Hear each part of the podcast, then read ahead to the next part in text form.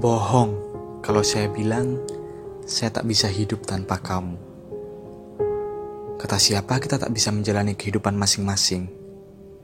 Nyatanya, sebelum kita saling sapa, kita memang bukan siapa-siapa.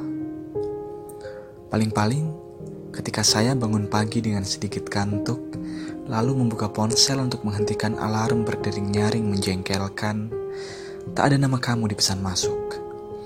Lalu dengan kesadaran separuh, saya mencoba mengingat dan menerka aneka agenda yang telah disusun semalam sebelumnya.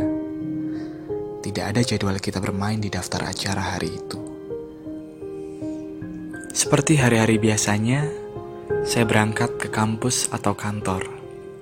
Jika sedang beruntung, jalanan masih lengang dan saya bisa bebas berlenggang. Ada setumpuk tugas dan pekerjaan yang harus dilakukan seharian. Jeda makan siang, sambil mengulum kudapan, saya balas beberapa pesan teman. Terkadang pula tak ada pesan sama sekali, membuat saya punya banyak waktu membaca status-status jenaka yang bertebaran di dinding sosial media orang. Menikmati lelucon pendek yang mampu bikin saya terbahak terpingkal-pingkal.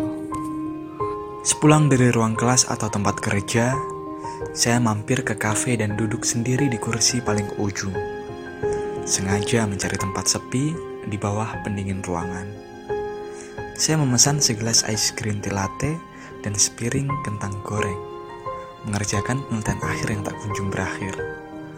Di atas meja, sabrek buku bacaan menunggu dengan sabar disingkap lembarannya.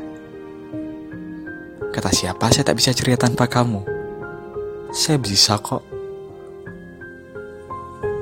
Hanya saja, kalau bisa bersama, pasti akan jauh lebih berkesan dan jauh lebih menyenangkan. Ada namamu di antara pesan-pesan saya, menanyakan sedang apa, bagaimana kabarnya, atau obrolan tak penting seperti biasanya. Kita bisa menikmati makan siang bersama sambil mengeluhkan hidup yang tak henti-hentinya mempermainkan kita. Sayang, kamu memutuskan berjalan sendiri. Padahal, saya masih sangat ingin membersamai. Hai, kamu apa kabar?